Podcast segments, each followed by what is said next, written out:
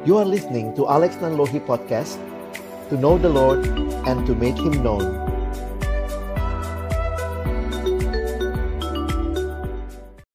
Mari kita berdoa sebelum kita membaca merenungkan firman Tuhan. Kami datang dalam ucapan syukur pagi hari ini ya Tuhan, terima kasih perjalanan kehidupan kami Tuhan pimpin hingga hari ini. Dan secara khusus melihat bagaimana Tuhan juga boleh memberkati khususnya teman-teman kelas 12 yang sudah melalui proses pendidikan di dalam kesempatan yang Tuhan berikan kepada mereka dan hari ini sama-sama kami mau berdoa. Kami mau menyerahkan kepada Tuhan untuk kehidupan dan masa depan kami. Bukan hanya untuk kelas 12 tapi juga bagi kami semua yang hadir bersama. Kami rindu ya Tuhan, biarlah ketika kami akan membuka firman-Mu, bukalah juga hati kami, jadikanlah hati kami seperti tanah yang baik, supaya ketika benih firman Tuhan ditaburkan, itu boleh sungguh-sungguh berakar, bertumbuh, dan juga berbuah nyata di dalam hidup kami. Berkati hambamu yang menyampaikan, setiap kami yang mendengar, Tuhan tolonglah kami semua, agar kami bukan hanya jadi pendengar-pendengar firman yang setia, tapi mampukan dengan kuasa pertolongan dari rohmu yang kudus, kami dimampukan menjadi pelaku-pelaku firman-Mu di dalam hidup kami, secara khusus di dalam masa muda kami. Bersabdalah ya Tuhan kami anak-anakmu sedia mendengarnya dalam satu nama yang kudus, nama yang berkuasa, nama Tuhan kami Yesus Kristus. Kami menyerahkan pemberitaan firman-Mu. Amin. Shalom, selamat pagi uh, Bapak Abraham dan juga uh, teman-teman, adik-adik yang saya kasihi dalam Tuhan Yesus Kristus. Atau mungkin juga ada Bapak Ibu guru yang lain di sini bersyukur buat kesempatan ini boleh sharing firman Tuhan. Saya coba siapkan satu PowerPoint presentation buat kita untuk kita ikut uh, melihat bersama ya. Nah, tema hari ini kita bicara tentang not my will but yours ya. Yours be done. Bukan kehendak kami, kehendakku, tetapi kehendakmu. Saya pikir ini langsung kita ingat apa yang disampaikan Tuhan Yesus di dalam permohonan doanya di Taman Getsemani. Dan ini juga yang harusnya mewarnai kehidupan kita orang percaya di dalam perjalanan kehidupan kita. Nah, nanti kita akan lihat lebih dalam dan hari ini sebagaimana topik yang diberikan kita akan melihat tentang doa. Nah, jadi saya ingin mengajak kita untuk melihat bahwa situasi kehidupan yang kita alami termasuk ya corona, pandemi ini telah membuat kita banyak sekali perubahan ya, termasuk salah satunya adalah studi ya, studi secara online, mungkin nanti juga graduationnya online begitu ya. Buat teman-teman dalam situasi yang tidak mudah, untuk Bapak Ibu guru juga ini kan berarti bekerja dari rumah begitu ya, atau mungkin beberapa kali juga harus ke sekolah dan bahkan juga ibadah kita secara online. Nah, ini yang Kembali saya ingin ingatkan kepada kita bahwa Allah tetap hadir dan mengontrol segala situasi. Di tengah-tengah kita melihat banyak hal yang mungkin memang belum banyak berubah, tetapi percayalah bahwa Allah hadir dan tidak pernah meninggalkan kita. Karena itu, saya meng menggarisbawahi tadi yang Pak Abraham katakan ya, doa itu adalah wujud kebergantungan penuh kita kepada Allah. Saya makin sadar ketika pandemi ini terjadi, orang tuh kayak lebih spiritual ya. Karena terlalu banyak hal yang tidak sanggup kita kontrol. Jadi akhirnya orang jadi merasa iya ya memang penting berdoa. Mungkin kemajuan teknologi yang kita alami selama ini membuat manusia merasa dirinya lah segala-galanya. Tetapi hanya satu penyebab ya virus yang tidak kelihatan bahkan bisa membuat kita sedunia begitu ya seolah-olah dipaksa lagi untuk melihat ada realita yang lebih besar daripada semua pencapaian kita. Ada Allah. Jadi doa bagi saya makin menghayati dalam masa-masa seperti ini, doa itu bukan sekadar pemanis kehidupan, ya. Ya, kita Kristen ya doa. Ya, hari ini juga teman-teman yang muslim kan doa juga. Ya udahlah kita manusia yang percaya ada Tuhan, ya udah doa sekadarnya. Tetapi saya pikir ketika engkau dan saya menyadari realitas situasi yang kita alami, doa menjadi bagian penting yang kembali kita hayati. Dalam sebuah buku yang bicara tentang doa, saya mengutip beberapa kalimat di dalamnya. Berdoa adalah membuka hati dan bercakap-cakap dengan Allah. Berdoa merupakan hak istimewa bagi kita, anak-anaknya. Bayangkan di perjanjian lama untuk datang kepada Tuhan itu nggak bisa langsung. Jemaat biasa nggak bisa. Harus lewat imam.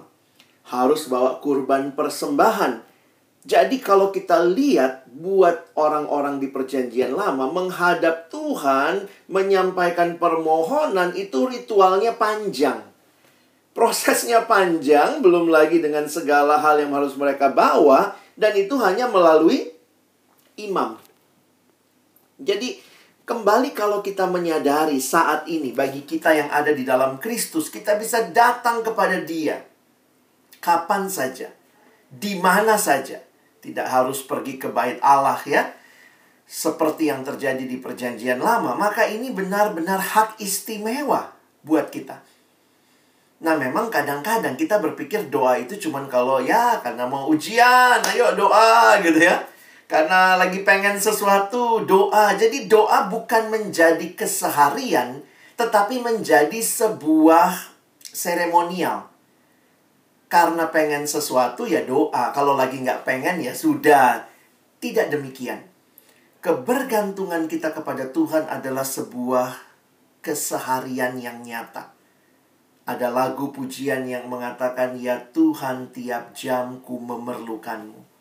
Bahkan kalau kita rinci lagi ya, Tuhan setiap menit, Tuhan setiap detik. Kalau kita kenal lagi satuan yang lebih kecil sepermili, sekian mili detik gitu ya kami sangat membutuhkan engkau.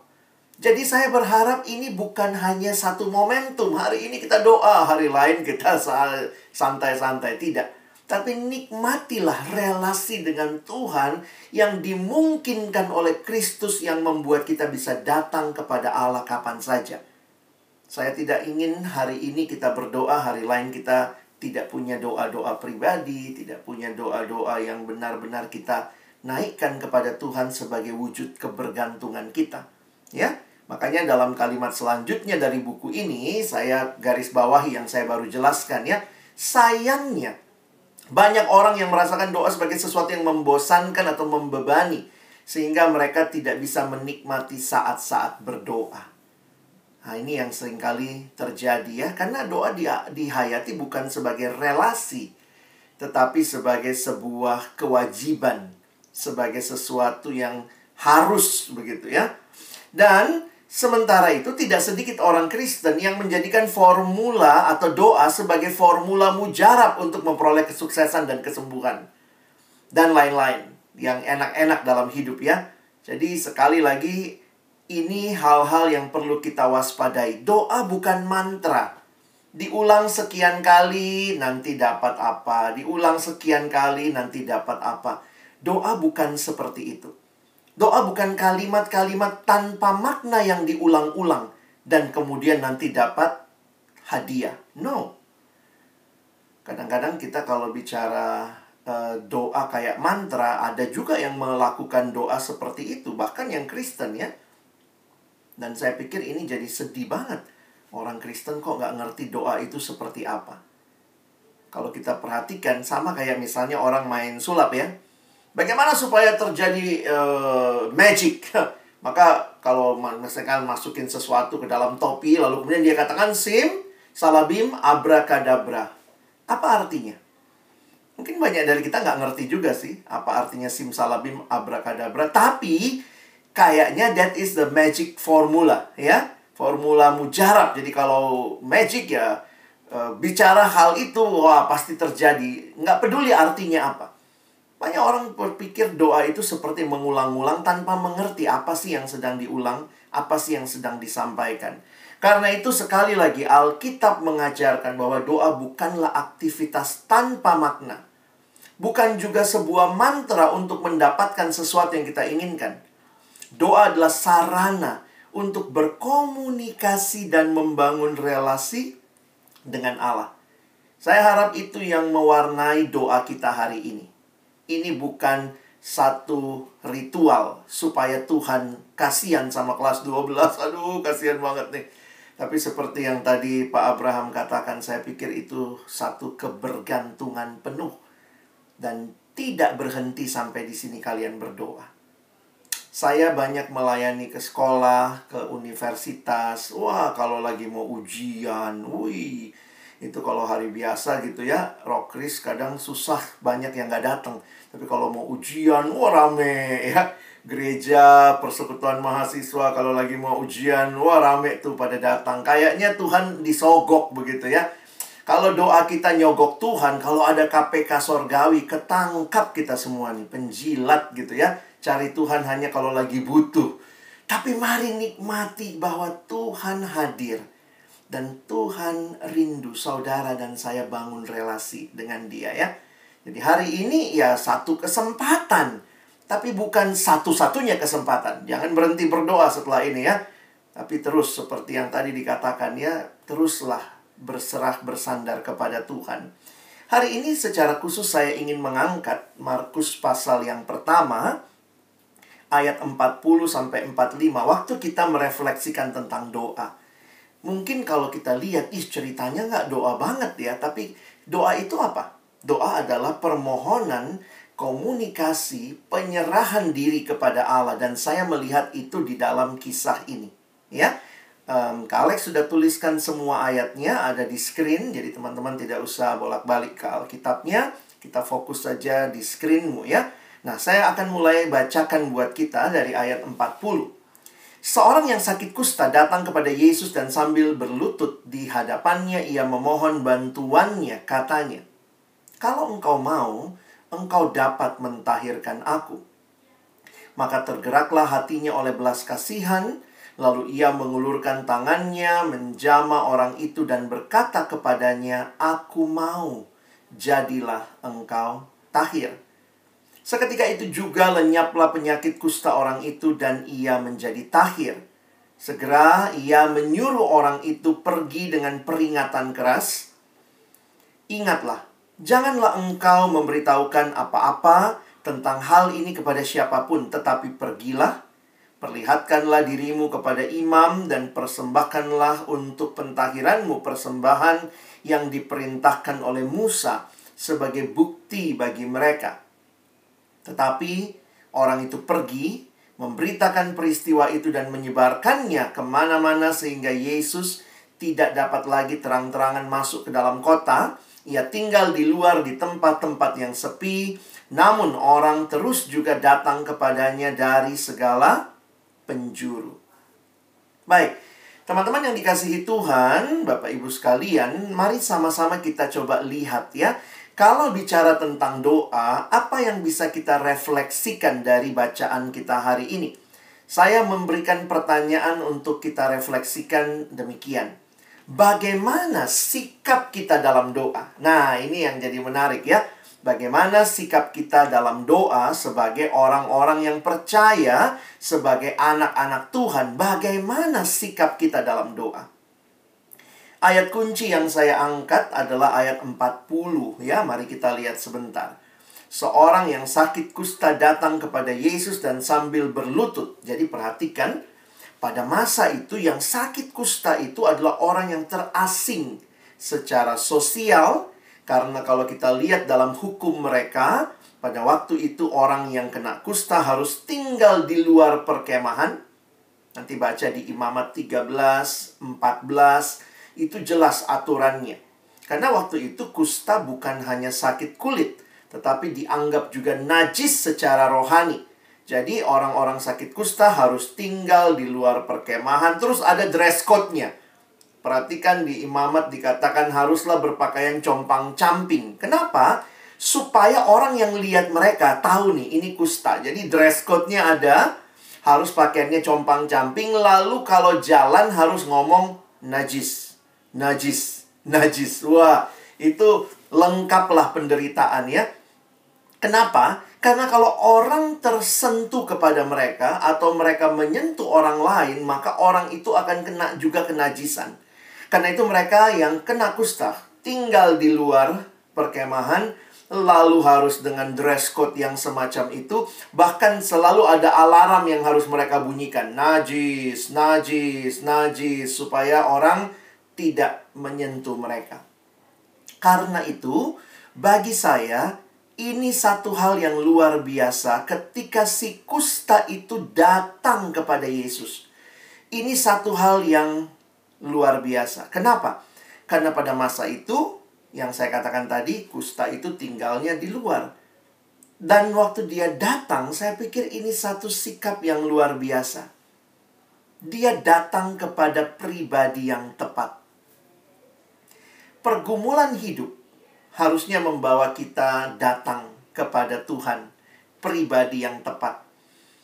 Si kusta ini datang kepada Yesus dan lihat sikap dia ya, sambil berlutut di hadapannya ia memohon bantuannya.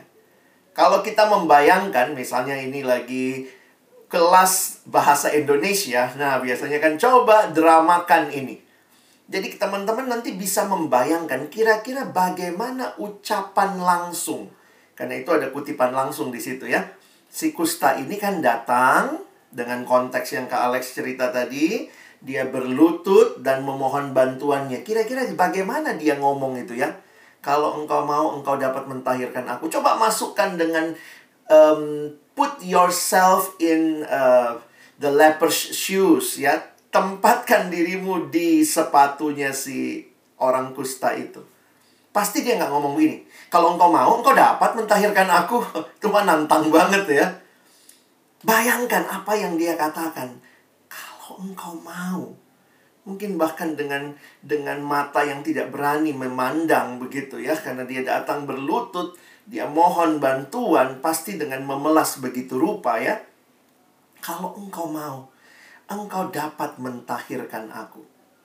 Teman-teman, dari kalimat yang disampaikan orang kusta ini, saya melihatnya ini sebagai sebuah bentuk doa yang sederhana. Apa yang bisa kita pelajari? Sikap seperti apa di dalam doa? Perhatikan yang pertama saya ambil dulu ayat terakhirnya ya. Bagian akhir dari ayat 40 engkau dapat mentahirkan aku. Perhatikan kalimat ini. Berarti si kusta percaya bahwa Yesus sanggup. Wah, teman-teman, inilah sebenarnya iman yang sejati di dalam doa. Bagaimana sikap kita dalam doa? Percaya bahwa Yesus sanggup. Teman-teman sering kali saat ini tanpa sadar Orang mengajarkan doa itu adalah apa yang kamu mau bilang dalam nama Yesus. Saya mau ini, saya mau ini. Sepertinya doa dialihkan dari percaya pada Yesus jadi percaya pada pada kalimat saya, percaya pada apa yang saya percayai, yang saya pengenin gitu ya. Kalau kamu pengen itu bilang dalam nama Yesus, pasti bisa. Kadang-kadang saya jadi takut ya kita bicara doa beriman, tapi kita salah menempatkan iman kita. Misalnya ada yang bilang gitu ya, saya percaya pasti sembuh. Bilang dalam nama Yesus, dalam nama Yesus. Terus kemudian saya bilang, apa sih itu? Ya saya percaya, saya sudah bilang. Karena ada kuasa dalam perkataan. Betul ada kuasa dalam perkataan, tapi perkataan kita bukan firman Tuhan. Itu bukan Kristus percayalah kepada Tuhan, bukan percaya pada kalimatmu, ucapanmu. Apalagi di dalam realita kita itu kan terbatas ya. Saya harap kita tidak mempermainkan iman. Menjadikan iman itu percaya pada kata-kata saya, percaya pada kata-kata manusia. Tidak. Iman itu bukan percaya diri. Tapi percaya Tuhan. Iman itu bukan pede, tapi PT ya. Bukan percaya diri tapi percaya Tuhan. Dan memang salah satu yang sulit kita lakukan sebagai orang percaya adalah percaya sama Tuhan. Unik ya, kita itu orang Kristen disebut orang percaya. Tapi yang paling sulit kita lakukan sering kali adalah percaya. Makanya Kak Alex tulis ya, salah satu kesulitan besar bagi kita sebagai orang percaya adalah untuk sungguh-sungguh percaya. Percaya bahwa Allah tahu dan sanggup memberikan yang terbaik yang kita butuhkan. Jadi, bicara iman, bicaranya bukan sekadar kepada apa yang kita minta. Bagi saya, iman bukan sekadar bicara apa yang kita minta di dalam doa, engkau dan saya bukan sekadar bicara apa yang kita minta, tetapi kita percaya karena kita memintanya kepada pribadi yang tepat. Fokus doa bukan hanya kepada isinya, bukan berarti isinya nggak penting ya, tetapi fokus doa kepada siapa kita berdoa. Betulkah kita percaya kepadanya? Where is your focus? Kadang-kadang mungkin isi doanya begitu rupa. Saya klaim dalam nama Yesus, saya percaya, saya berjanji. Tapi pertanyaannya, betulkah hati kita percaya? Kalau Tuhan bilang no, bukan yang kau mau. Kita masih tetap berkata, Tuhan engkau sanggup? Itu yang kita lihat dalam sikap orang kusta ini. Perhatikan yang pertama, dia percaya. Tetapi ini ada paradoks dalam kalimat yang sama. Perhatikan kalimatnya di yang keduanya. Ini kalimat yang lebih awal sebenarnya. Kalau engkau mau. Jadi kalimat kedua, engkau dapat mentahirkan aku. Itu adalah keyakinan Yesus sanggup. Tetapi kalimat pertama menunjukkan penyerahan diri, berserah kepada kehendak Yesus. Tuhan aku tahu engkau sanggup. Sekarang kalau engkau mau. Wah teman-teman bisa masuk dalam penghayatan doa seperti ini. Saya pikir ini pengalaman iman ya. Lewatilah. Karena sering kali tanpa sadar kita fokus kepada salah satunya saja. Kita fokus kepada yang kita mau. Dan kita kadang-kadang bilang, oh ini juga yang Tuhan mau tetapi betulkah kita siap menerima apa pun yang dari Tuhan? Jadi Tuhan sanggup itu satu sisi. Tapi Tuhan mau itu sisi lain. Dan kita sebagai anak Tuhan percaya bahwa kehendak Allah itu yang terbaik bagi kita. Teman-teman, ini kan kalimat Yesus bukan kehendakku, melainkan kehendakmu lah yang terjadi. Father, not my will, but yours be done. Teman-teman, Alex cerita sedikit lah ya, pengalaman juga ya. Saya kan uh, lulus kuliah, uh, sorry, lulus SMA, saya dapat kesempatan PMDK waktu itu, namanya masih PMDK ya, masuk UI tanpa tes.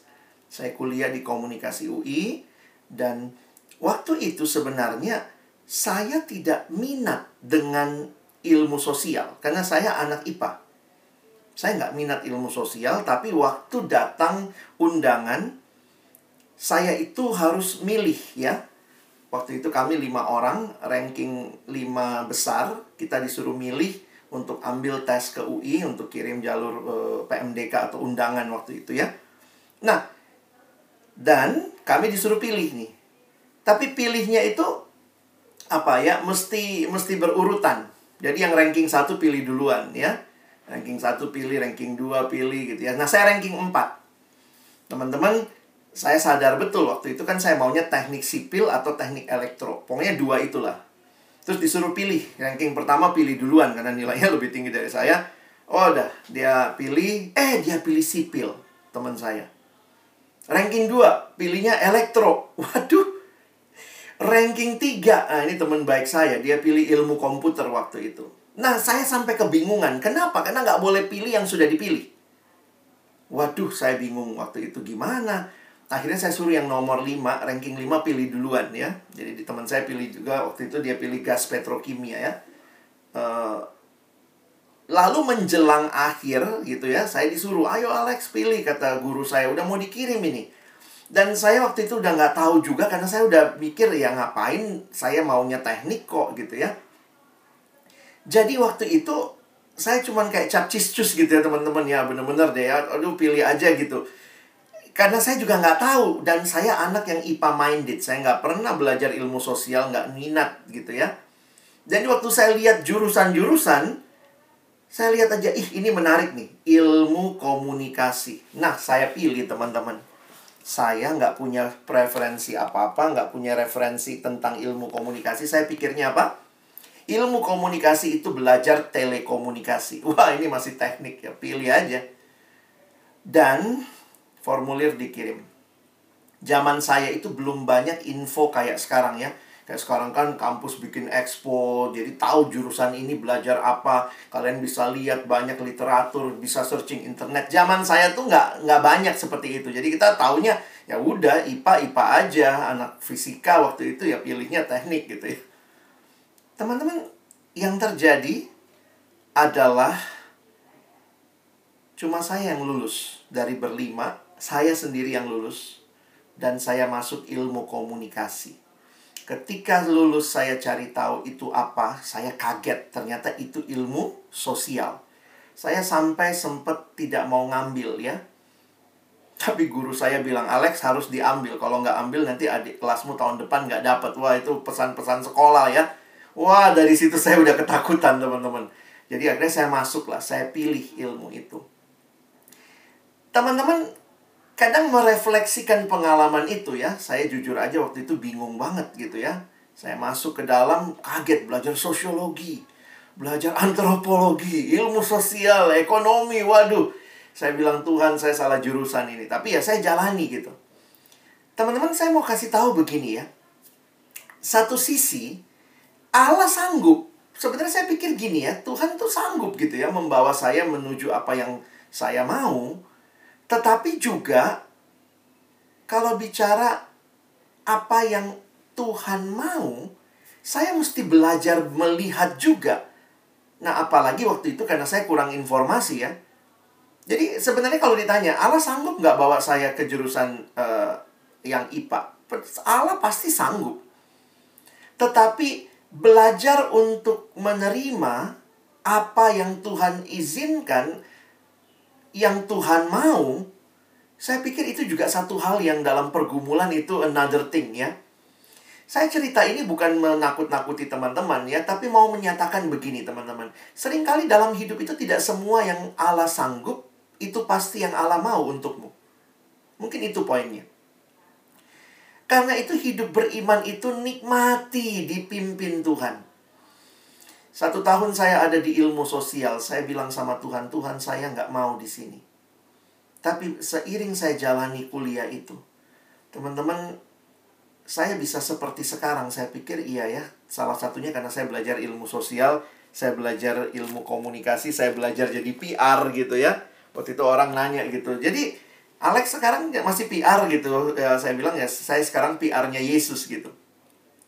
Ada begitu banyak hal dalam hidup yang kita harus melihat Tuhan jalanmu mungkin waktu kita jalani kita belum bisa bilang ini yang baik ini yang indah. Tetapi setelah melewatinya sekian lama menengok ke belakang saya harus berkata Tuhan terima kasih. Ini sesuatu yang Tuhan izinkan bagi saya yang Tuhan mau bagi saya. Teman-teman jangan mengkontraskan Allah sanggup dan Allah mau karena sering kali dalam banyak kesempatan Tuhan mengizinkan kita bukan mendapatkan apa yang kita mau. Kalau Tuhan bilang ya, puji Tuhan. Ya, itu Tuhan berikan ya. Tapi kalau Tuhan bilang tidak, tapi waktu Tuhan bilang tidak, jangan kemudian kita balik. Oh, Tuhanku nggak sanggup. Enggak. Saya pikir ini yang terjadi dengan teman-teman Daniel. Dari dalam dapur perapian mereka bilang begini sama raja. Allah yang kami percaya sanggup melepaskan kami. Tapi meskipun tidak, hendaklah Tuhan ketahui, kami tidak akan menyembah Allah Tuhan, Tuanku. Wah, bagi saya itu iman. Iman itu bukan hanya bisa melihat kesanggupan Allah, tetapi juga belajar menerima kemauan Allah buat hidup kita. Nah ini paradoks. Nggak ada teorinya. Bagaimana menjalaninya? Ya jalani aja. Waktu kamu jalani, kamu akan melihat. Ketika apa yang kamu kehendaki tidak terjadi, ingat baik-baik. Bukan berarti Allah nggak sanggup. Allah tuh sanggup. Tuhan bawa kamu masuk universitas juga bisa. Tuhan sanggup, tapi Tuhan yang sanggup itu menuntunmu masuk ke dalam kehendaknya, kemauannya. Sehingga jangan ragukan Tuhan, tetapi berserah kepada dia. Dan bagian yang terakhir adalah taat lakukan bagian kita. Ketika orang itu sembuh, Yesus katakan pergi, perlihatkan dirimu, persembahkan. Jadi, Kalex lihatnya begini teman-teman ya. Tuhan pun bekerja dalam hal-hal yang wajar sekali. Lakukan bagian kita. Jangan karena berpikir ini semua Tuhan yang lakukan, Tuhan yang punya kehendak, Tuhan yang punya kesanggupan, maka saya udah terserah aja lah kayak apa ya diombang-ambingkan seperti itu. Saya tidak melihat itu. Di dalam bagian ini belajarlah untuk menikmati prinsip berdoa, berserah kepada Tuhan, percaya kepada Tuhan, tapi labora, labora berarti bekerja. Ini satu hal yang harus kita lakukan.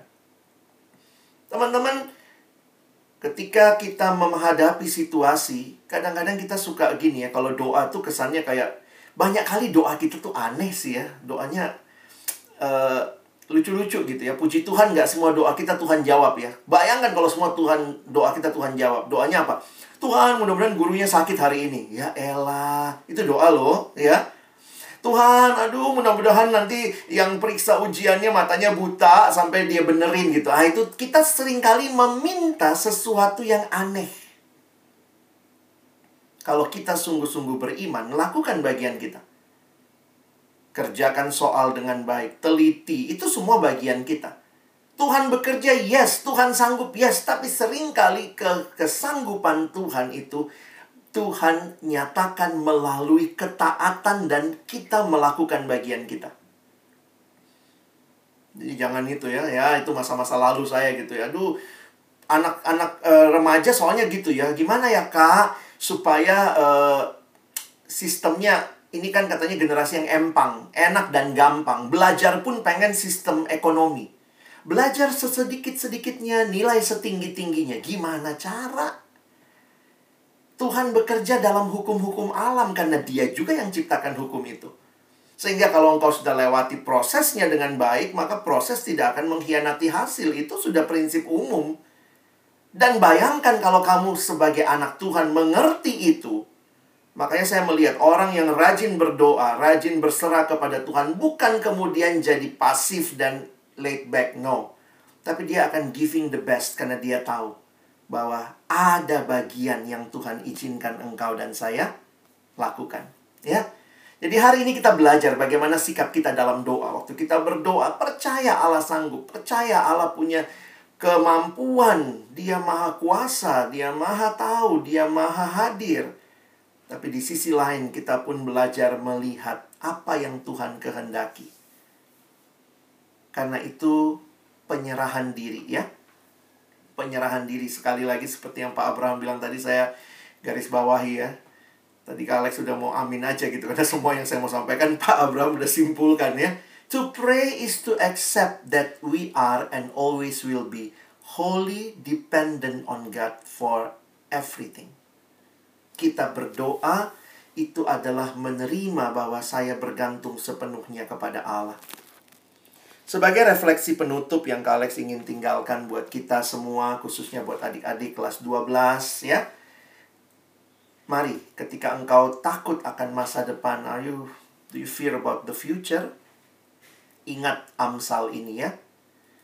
Amsal 23, 17, 18. Janganlah hatimu iri kepada orang-orang berdosa, tetapi takutlah akan Tuhan senantiasa. Karena masa depan sungguh ada, dan harapanmu tidak akan hilang. Hidup orang percaya adalah sebuah perjalanan. Our life is a journey and it's a journey with Jesus. Selalu ada pengharapan buat kita ya.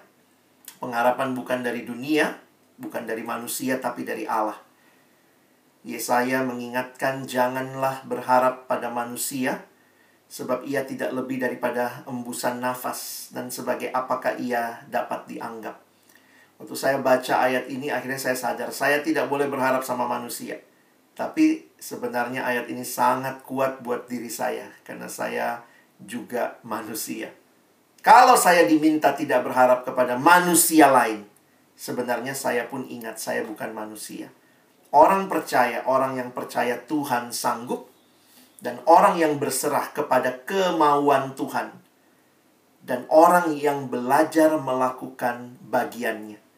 Itulah kehidupan beriman kita. Tidak Tuhan banget, Tuhan semuanya saya diem. Tidak aku banget, aku semuanya Tuhan cuma pelengkap.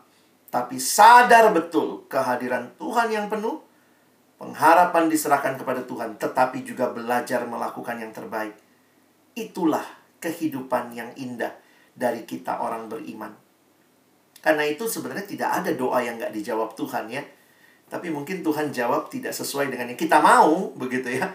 Makanya kalimat dari Timothy Keller dalam bukunya tentang prayer, saya kutip ini ya, there is no unanswered prayer.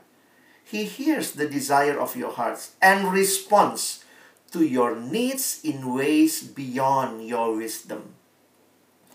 Saya agak berontak tahun pertama kuliah. Tuhan, kenapa saya ada di sini?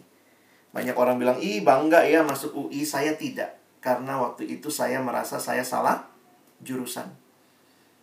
Saya melihat kok Tuhan tidak jawab doa saya. Tahun berikutnya saya mau ambil tes lagi. Tapi seiring berjalannya waktu, saya melihat cara Tuhan yang lain. Ada hal-hal yang saya sadari bahwa ternyata di sinilah bagian yang Tuhan berikan. Saya belajar menerima, saya belajar untuk lihat hal lain lagi. Saya jalani dan saya bersyukur juga di situ iman saya bertumbuh. Salah satu persekutuan yang baik ada di kampus UI dan saya bertumbuh dalam persekutuan dan saya melihat bahwa ini cara yang indah bagi saya Tuhan sedang bentuk. Sama seperti Yusuf ya. Saya sadar betul waktu kejadian kita nggak bilang indah ya karena kita belum lihat akhirnya. Kita yang baca Alkitab sih tahu akhirnya ya. Tapi coba misalnya Yusuf kan akhirnya jadi orang kedua di Mesir. Tapi waktu Yusuf masuk di mana? Masuk di dalam uh, apa? Sumur. Dibuang sama saudaranya. Apakah Yusuf ngomong puji Tuhan buang aja buang aja. Nggak apa-apa. Wah puji Tuhan nanti aku akan jadi. Tuh Yusuf tuh juga aduh Tuhan kenapa begini? Gitu ya apa waktu Yusuf masuk penjara gara-gara tante Potifar tuh ya? Tante Potifar goda-goda, eh Yusuf dijeblosin penjara. Waktu Yusuf dijeblosin penjara, apakah Yusuf bilang, masukkan aja, masukkan aja. Oh, aku ini pasti nanti jadi. Yusuf belum mengerti. Saya saya melihat itu hidup beriman begitu ya. Hidup yang terus belajar percaya dan berserah. Percaya berserah lakukan bagian kita. Percaya berserah lakukan bagian kita. Waktu kita bahkan belum bisa ngerti kenapa itu terjadi. Tapi di akhir hidupnya, Yusuf waktu dia lihat ke belakang dia bilang ke mana sama saudaranya. Kamu mereka-rekakan yang jahat, tapi Allah membuatnya jadi kebaikan bagiku. Saya tidak tahu kapan kamu dan saya akan bisa bilang begitu ya. Karena kan perjalanan kita belum selesai banget ya. Kecuali Tuhan belum udah pulang minggu ini ya. Tapi kiranya keindahan hidup beriman adalah engkau berjalan bersama Allah yang sanggup melakukan segala sesuatu, tapi Dia Allah juga yang punya kehendak dan belajarlah percaya dan berserah pada kehendaknya dan lakukanlah bagianmu.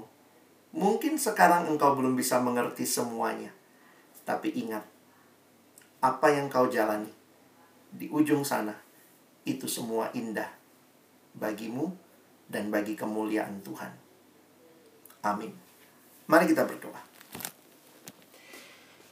Tuhan terima kasih buat firman-Mu. Doa juga bukan menjadi satu jaminan bahwa kami puas dengan semua yang terjadi ke depan. Tapi doa adalah sesuatu yang realistis. Kehidupan yang kami jalani bersama dengan Tuhan. Dituntun oleh tanganmu. Dan kami butuh percaya penuh kepadamu. Kami butuh berserah penuh kepada apa yang Tuhan izinkan terjadi. Dan kami butuh memberikan yang terbaik, usaha yang maksimal, karena percaya Tuhan hadir dan memimpin hidup kami. Hamba berdoa bagi adik-adik kelas 12, Tuhan tolong benar-benar percaya pada Tuhan, berserah pada Tuhan, melakukan bagian mereka.